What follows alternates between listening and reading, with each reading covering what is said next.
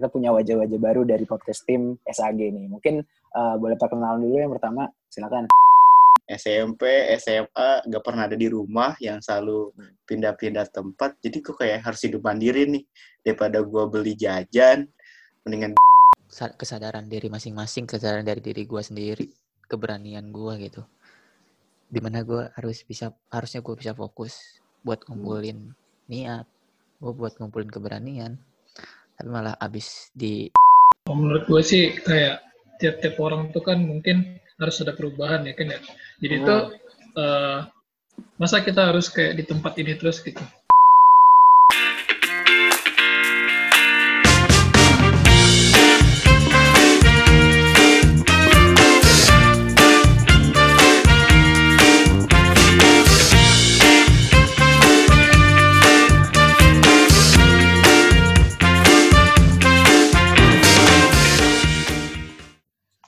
Oke, selamat datang di broadcast by SAG Laboratory. Mantap. Mantap. Oke, masih bersama gue seperti biasa uh, Ken di episode ke-6 ini sepertinya sama aja sih kayak episode-episode sebelumnya masih ditemani sama gue, cuman mungkin uh, siapa nih yang bakal nemenin gue di episode kali ini tuh agak berbeda sih. Kita punya wajah-wajah baru dari podcast tim SAG nih. Mungkin uh, boleh perkenalan dulu yang pertama, silakan. Oke, dari gue dulu deh kayaknya. Gue, oke, gue salah satu anggota baru atau wajah baru lah di SAG Podcast Team ini. Gue Anto. Yes, mantap. Ini ada Anto nih, anggota baru nih dari Podcast Team. Nah, selanjutnya setelah Anto ada siapa lagi? Oke, kenalin gue, nama gue Mijul. Panggilannya Mijul. Gue juga anggota dari Podcast Team. Oke, mantap. Yang terakhir, Waduh, nih, kenalkan, gue Fadil Rozi. Bisa dipanggil Fadil, bisa dipanggil Rozi. Oke, mantap. Gua... Namanya ada, ada dua gitu ya? Iyalah, bisa biar ini loh, biar nama Fadil tuh udah pasaran. Oke, siap. Jadi, gue juga termasuk anggota podcaster terbaru di dari SPG.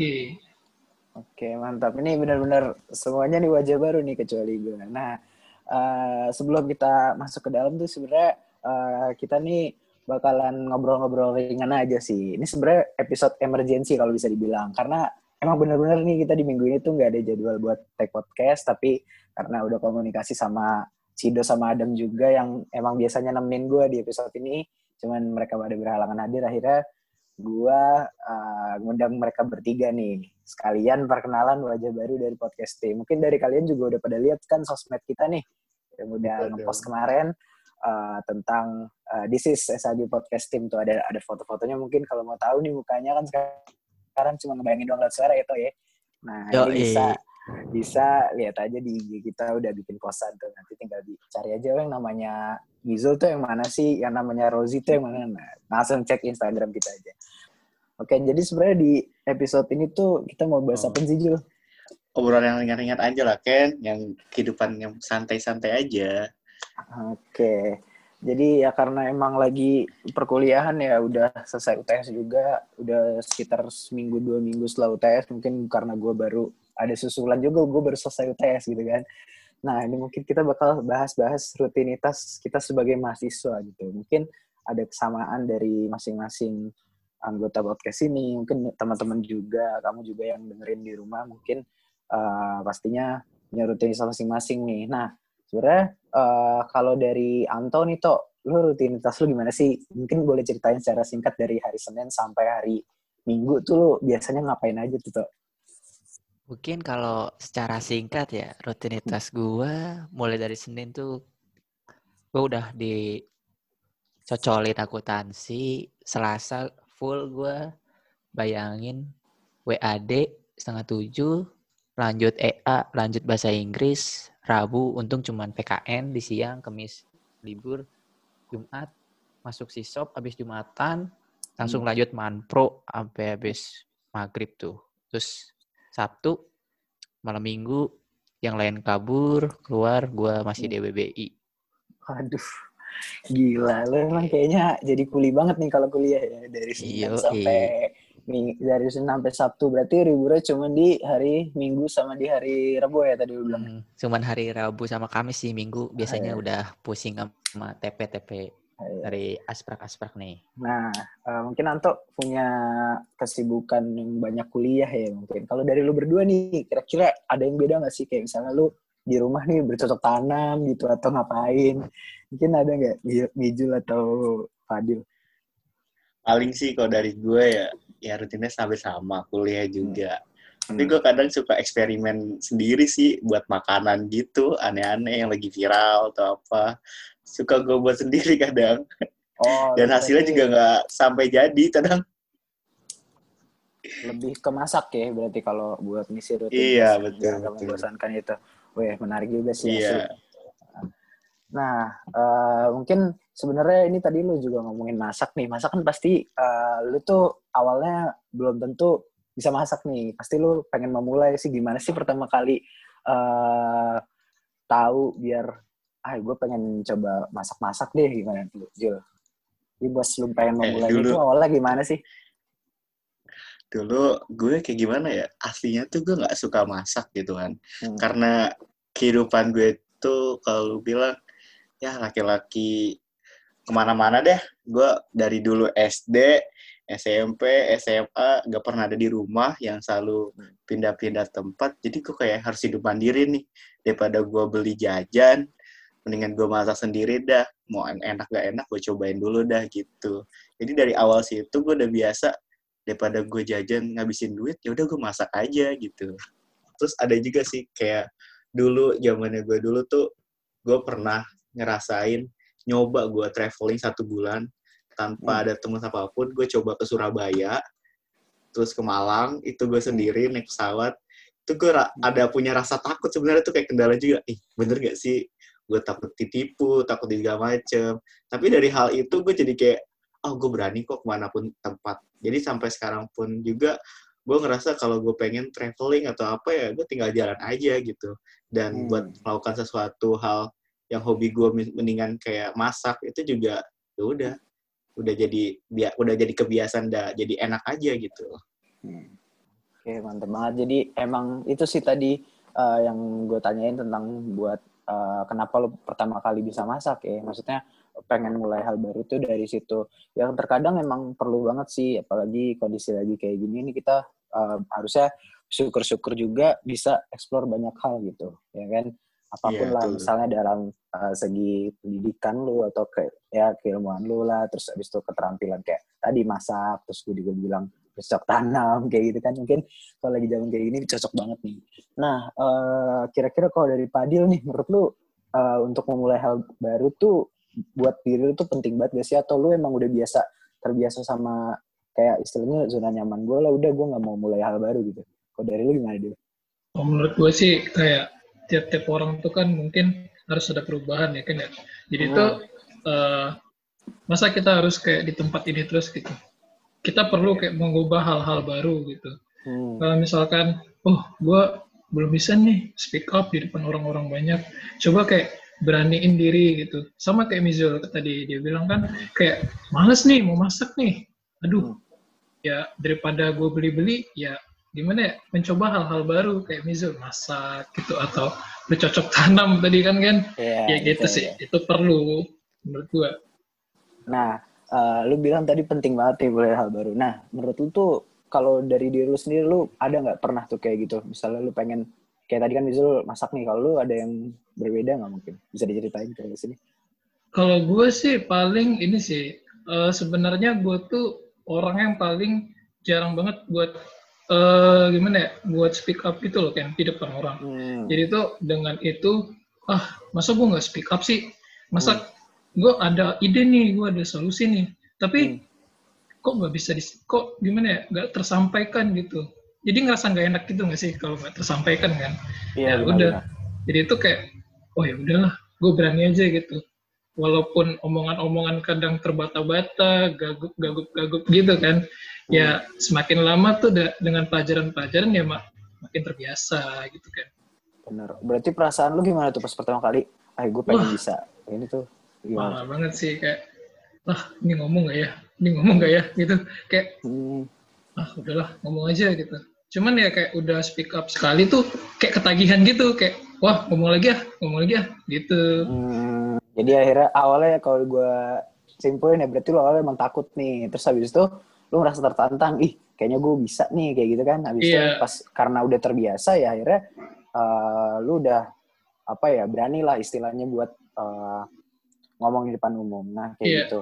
Terus eh, sebenarnya nih tadi kan juga udah ini tinggal Anto doang kayak yang belum cerita nih. Kalau dari lu ada nggak tuh yang paling berkesan lah misalnya lu pengen berubah nih diri lu gitu dari sisi baik atau negatif yang penting hal baru deh nggak apa-apa Eh, kalau dari gua ya mungkin yang paling berkesan di mana gua melewatkan empat hampir empat semester lah tiga Hmm. sampai empat semester gua nggak berani masuk yang di mana apa ya namanya itu lab lab Hmm. gue baru memberanikan diri tuh di semester keempat gue ikut memberanikan diri masuk ke lab dan itu Hmm. benar-benar yang gue rasain gue seselin juga kenapa gue nggak coba dari dulu harusnya gue bisa gitu karena itu banyak banget yang bikin gue apa ya gue tahu gitu gue harus ini gue bisa ini bisa itu gitu Oke, jadi lu agak menyesal tuh kenapa tiba-tiba lu baru mulai di semester 4 kayak gitu ya. yo Iya, itu bener banget sih. Soalnya manfaat lu join ke organisasi atau mungkin tadi lebih spesifiknya lab ya, lu bakalan lebih tahu kayak gitu apa sih yang biasanya orang lain gak kerjain tapi tiba-tiba bisa lu kerjain. Jadi lu punya tanggung jawab yang berbeda dan uh, lebih apa ya lebih mudah berkembang lah dibanding teman-teman lu yang mungkin gak join mungkin kayak gitu sih ya itu ya. Iya, ya, paling gitu sih Ken, kurang Hmm. lebih. Nah, eh, tadi juga mungkin gue balik lagi ke Mijul ya. Tadi yang dia bilang dia eh, mulai sesuatu yang baru tuh ya kayak tadi tuh masak-masak atau misalnya karena juga pengen survive di eh, kehidupan yang emang sendiri dari dulu. Nah, sebenarnya kendala lu tuh apa sih Jul? Dari lu punya nggak sih kayak masa kendala nih? Anjir kok ini susah banget ya gue bisa kayak gini. Bisa mungkin bisa diceritain Jul? ada sih kesulitannya itu gue harus bangun pagi duluan, harus nyiapin duluan, udah prepare, dan harus eh, analisis lah bagaimana makanan ini bertahan sampai berapa lama gitu biasanya. Gitu sih. Ah, iya Tadi sih. dulu. Oke, oke. Kalau dari Padil, apa tuh kendalanya yang lu tadi bilang tentang public speaking lu yang kurang baik? Kalau gue sih kendala-kendala paling saat gue nyampein sesuatu Hmm. waktu di forum, kadang kayak penyampaian yang maksud gue tuh kadang tidak tersampaikan kepada mereka gitu. Jadi gue tuh harus mempersiapkan kayak apa sih yang bakal gue omongin, apa sih yang bakal gue sampaikan. Jadi eh, cara gue nanggepin masalah itu kayak gue list dulu sih, kayak gimana ya omongan gitu yang bisa tersampaikan. Gimana sih kata-kata dari omongan-omongan yang gue maksud tuh bisa mereka tuh paham gitu. Kalau gue sih Hmm. kayak gitu. Jadi emang harus itu sih sebenarnya lebih kuncinya lebih terbiasa ya Dil. ya? ya harus banyak jam terbang sih kan. Benar sih, benar benar benar. Kalau dari Anto tadi yang eh, pengalaman lu join ke lab itu dan lu sesalin tuh gimana tuh?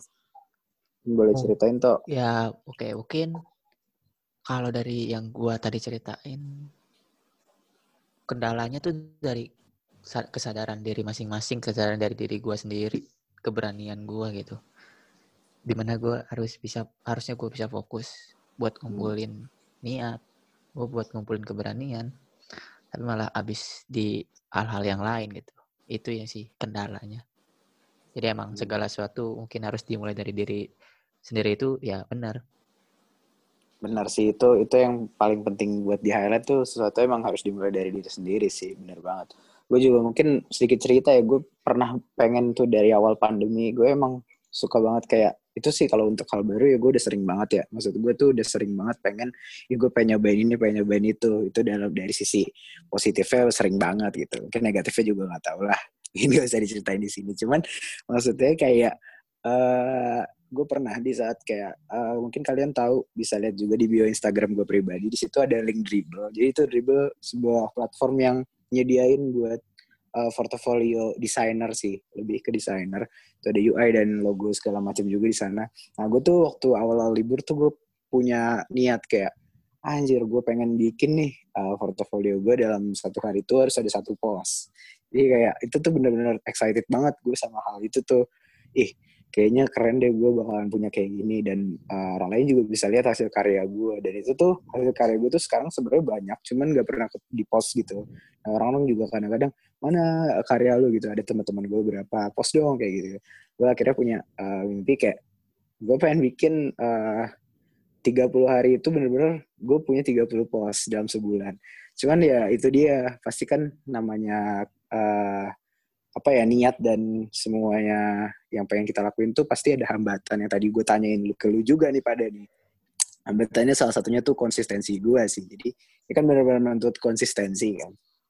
Jadi 30 hari itu gue cuman berhenti di hari ke-6 atau hari ke berapa itu benar-benar kayak konsistensinya tuh kurang banget gitu kayak tadi gue juga udah uh, sempat mention nih tentang konsistensi yang gue pengen bikin uh, portofolio gitu di dribble dan segala macam. Nah sebenarnya tuh uh, menurut kalian nih apa sih konsistensi tuh?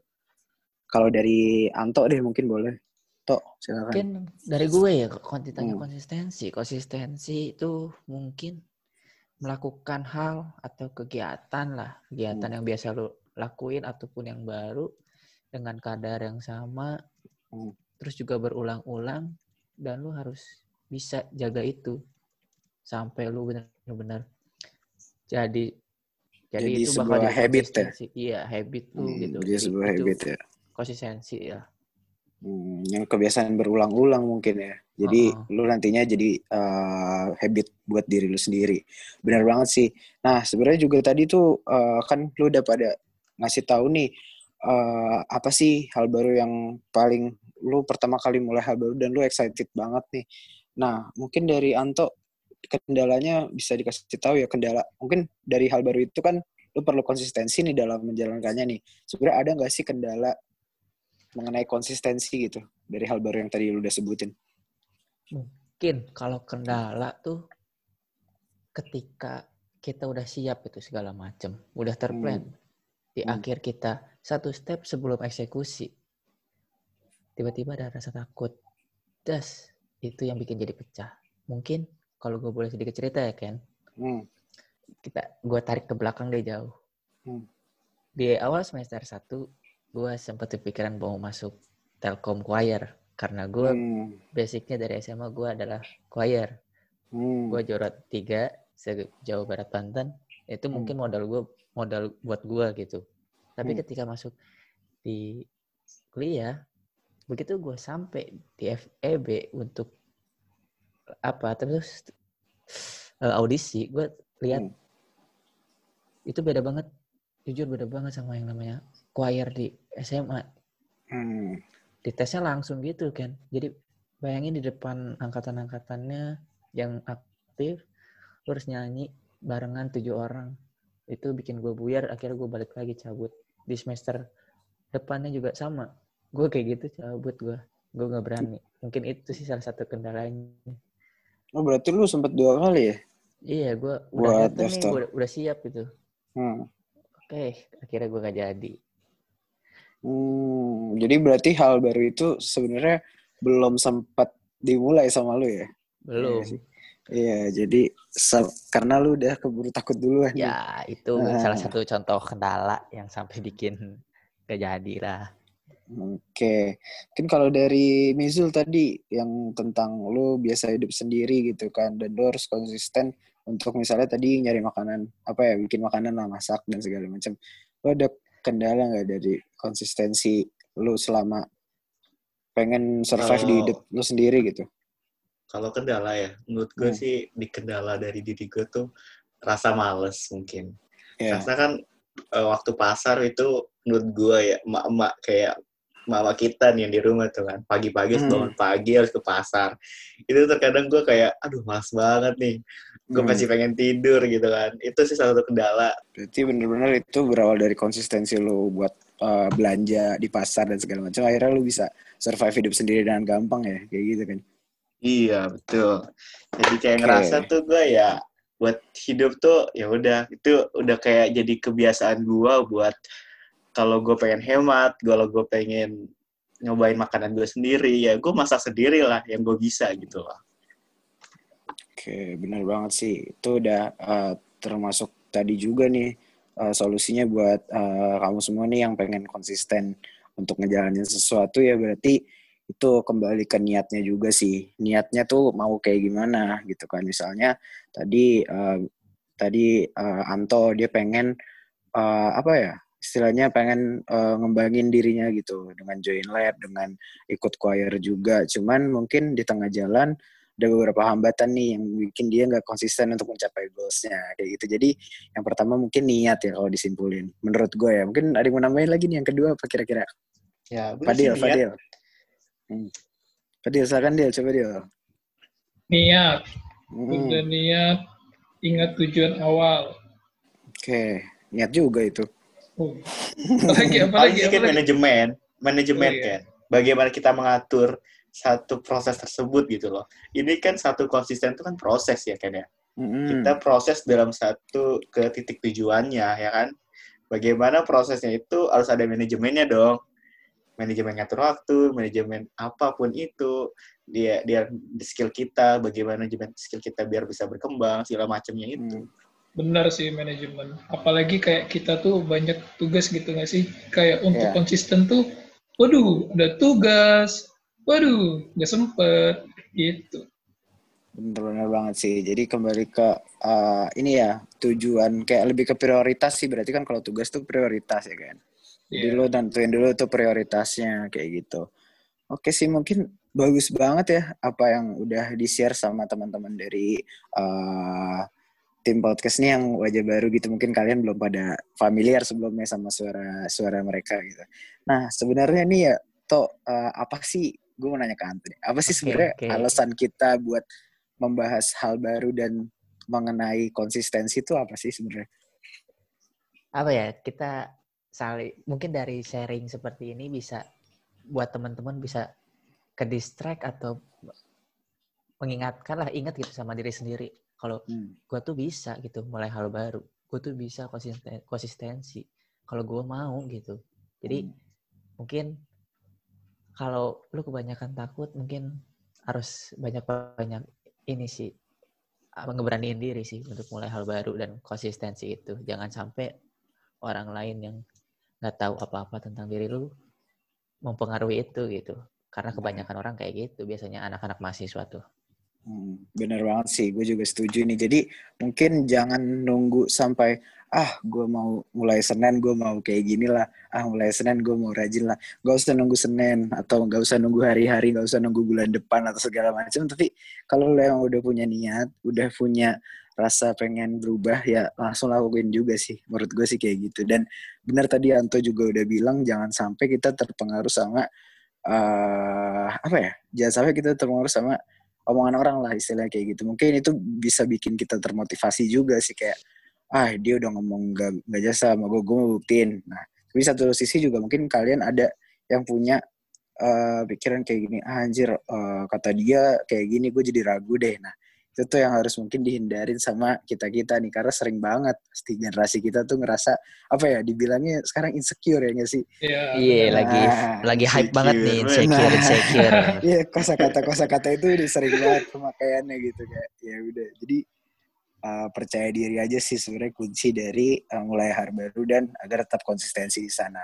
Nah sama juga nih mengenai hal baru kita broadcast eh, ini tuh sebenarnya ingin memulai uh, season baru nih yaitu season kedua broadcast by SAG Study Group di mana yang di season 1 kita cuman ada lima episode yang mungkin kalian bisa dengerin di Spotify kita di segmen-segmen uh, sebelumnya gitu yang udah ditemenin sama gue juga dari 1 sampai 5 terus ada Cido, ada Adam, ada Hilmi dan kita sama uh, asisten lab juga dan segala macam. Tapi di season kedua ini kita bakalan punya anggota baru dan anggota Hmm. barunya itu ini semua nih salah satunya maksudnya mungkin ada beberapa yang belum dan kita uh, udah mau buka pendaftaran untuk uh, generasi SAG yang baru nih buat join di podcast team. Mungkin kayak gitu sih. Jadi dan kita berharap banget SAG di season kedua ini lebih konsisten lagi dan lebih uh, menginspirasi juga mungkin kamu yang pengen dengerin di rumah atau segala macam lebih apa ya lebih bikin tertarik lagi sih di season kedua ini kayak gitu. Nah kita juga di season kedua ini punya segmen-segmen nih guys. Kira-kira Apa aja tuh? apa aja sih segmennya tuh? Oke, Mungkin dari? Anto. Oke, jadi di SAG podcast ini kita ada segmen yang pertama tuh broadcast. Ya, sekarang nih broadcast tuh. Hmm. Jadi broadcast ini tuh adalah segmen utama dari podcast kami di mana bahasan yang akan diangkat tuh dapat didapat dari kebiasaan sehari-hari kita-kita ini nih Hmm. kayak Ken, Fadil, Mizul gitu. Jadi sharing pengalaman sehari-hari dikemas dengan bahasa yang lebih santai dan mudah dipahami juga buat didengar sama teman-teman semua gitu. Oke, mantep banget. Jadi yang eh, biasa kalian dengerin juga tuh di episode 1 sampai 5, kita bakal bawa lagi di season kedua nih. Ini bakalan ada yang lebih seru lagi nih yang kedua. Mungkin apa, Jul? Ngablu dong. Ngablu itu Oke. Ngobrol bareng alumni. Nah, yang di mana teman-teman tuh di segmen ini kita ngobrol bareng nih sama alumni SAG yang bakal ngasih pandangan mereka pengalaman ketika masih berkuliah atau setelah lulus. Mungkin kita masih belum punya pandangan tuh ya Ken ya. Bagaimana nanti udah lulus terus segala macem. Betul banget. Jadi nantinya kita bisa tahu nih sebenarnya alumni itu dulu punya pengalaman apa sih pas di kampus dan setelah dia udah di dunia kerja tuh sebenarnya apakah yang mereka udah pelajari di kuliah itu berdampak buat mereka atau mungkin mereka punya insight-insight baru lah mengenai dunia kerja di di luar sana kayak gitu sih mungkin. Nah yang terakhir nih ada tiga, satu lagi apa Dil? Kasih paham. Segmen kasih paham ini Hmm. itu tuh monolog dari kita-kita Un- mengenai topik mulai dari perkuliahan sampai kisah inspiratif dari kita-kita. Nah, ini tuh karena tadi dibilang juga monolog, berarti nanti yang ngebawain satu orang doang nih. Jadinya lebih kelihatan kayak eh, tadi sesuai judulnya kasih paham. Berarti misalnya yang ngebawain tuh Anto nih. Anto bakalan kasih paham lu nih tentang apa. Itu jadi kayak ibarat kata tuh kalian bisa membayangin kalau ini tuh lagi dijelasin sama Anto. Kayak gitu sih.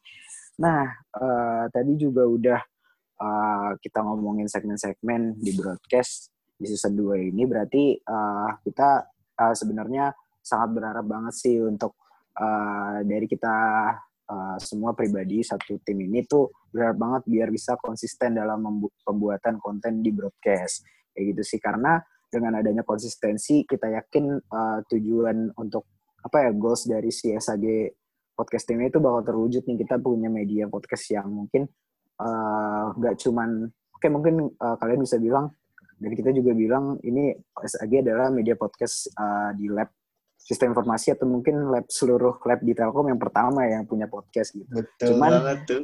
Nah, cuman di sini uh, status pertama itu kalau buat gue pribadi itu bukan sesuatu yang mungkin membanggakan. Mungkin oke membanggakan, cuman belum terlalu besar gitu.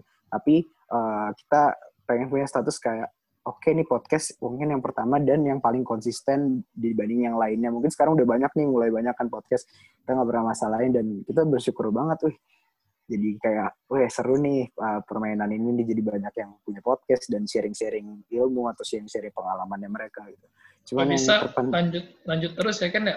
Nah, betul. Yang paling penting itu konsistensi dan mungkin jadi yang terbaik lah dibanding podcast-podcast lain yang udah dipunyain sama uh, kampus Telkom gitu. Kan atau mungkin standarisasinya juga bisa kita naikin ke tingkat kampus lain. Kayak gitu sih. Jadi uh, makasih banget buat kalian yang udah dengerin episode ke-6 dari broadcast ini di season kedua ini nantinya kita bakalan uh, punya hal-hal baru lagi yang bakalan nemenin kalian juga sih bakalan uh, bikin hari-hari kalian ceria ya. Setuju Ya, ya. mantep lah. Walaupun Ya. banyak banyak, oke, tetap ceria. Nah, itu itu dia alasannya. Jadi semoga bisa menghibur kalian. Terima kasih yang udah dengerin. Uh, kurang lebih mohon maaf. Gua Ken Rangga pamit. Gua Fadul Rozi, Mit. Gua Mijul. Gua Anto juga pamit. Oke, terima kasih yang udah dengerin. Bye bye.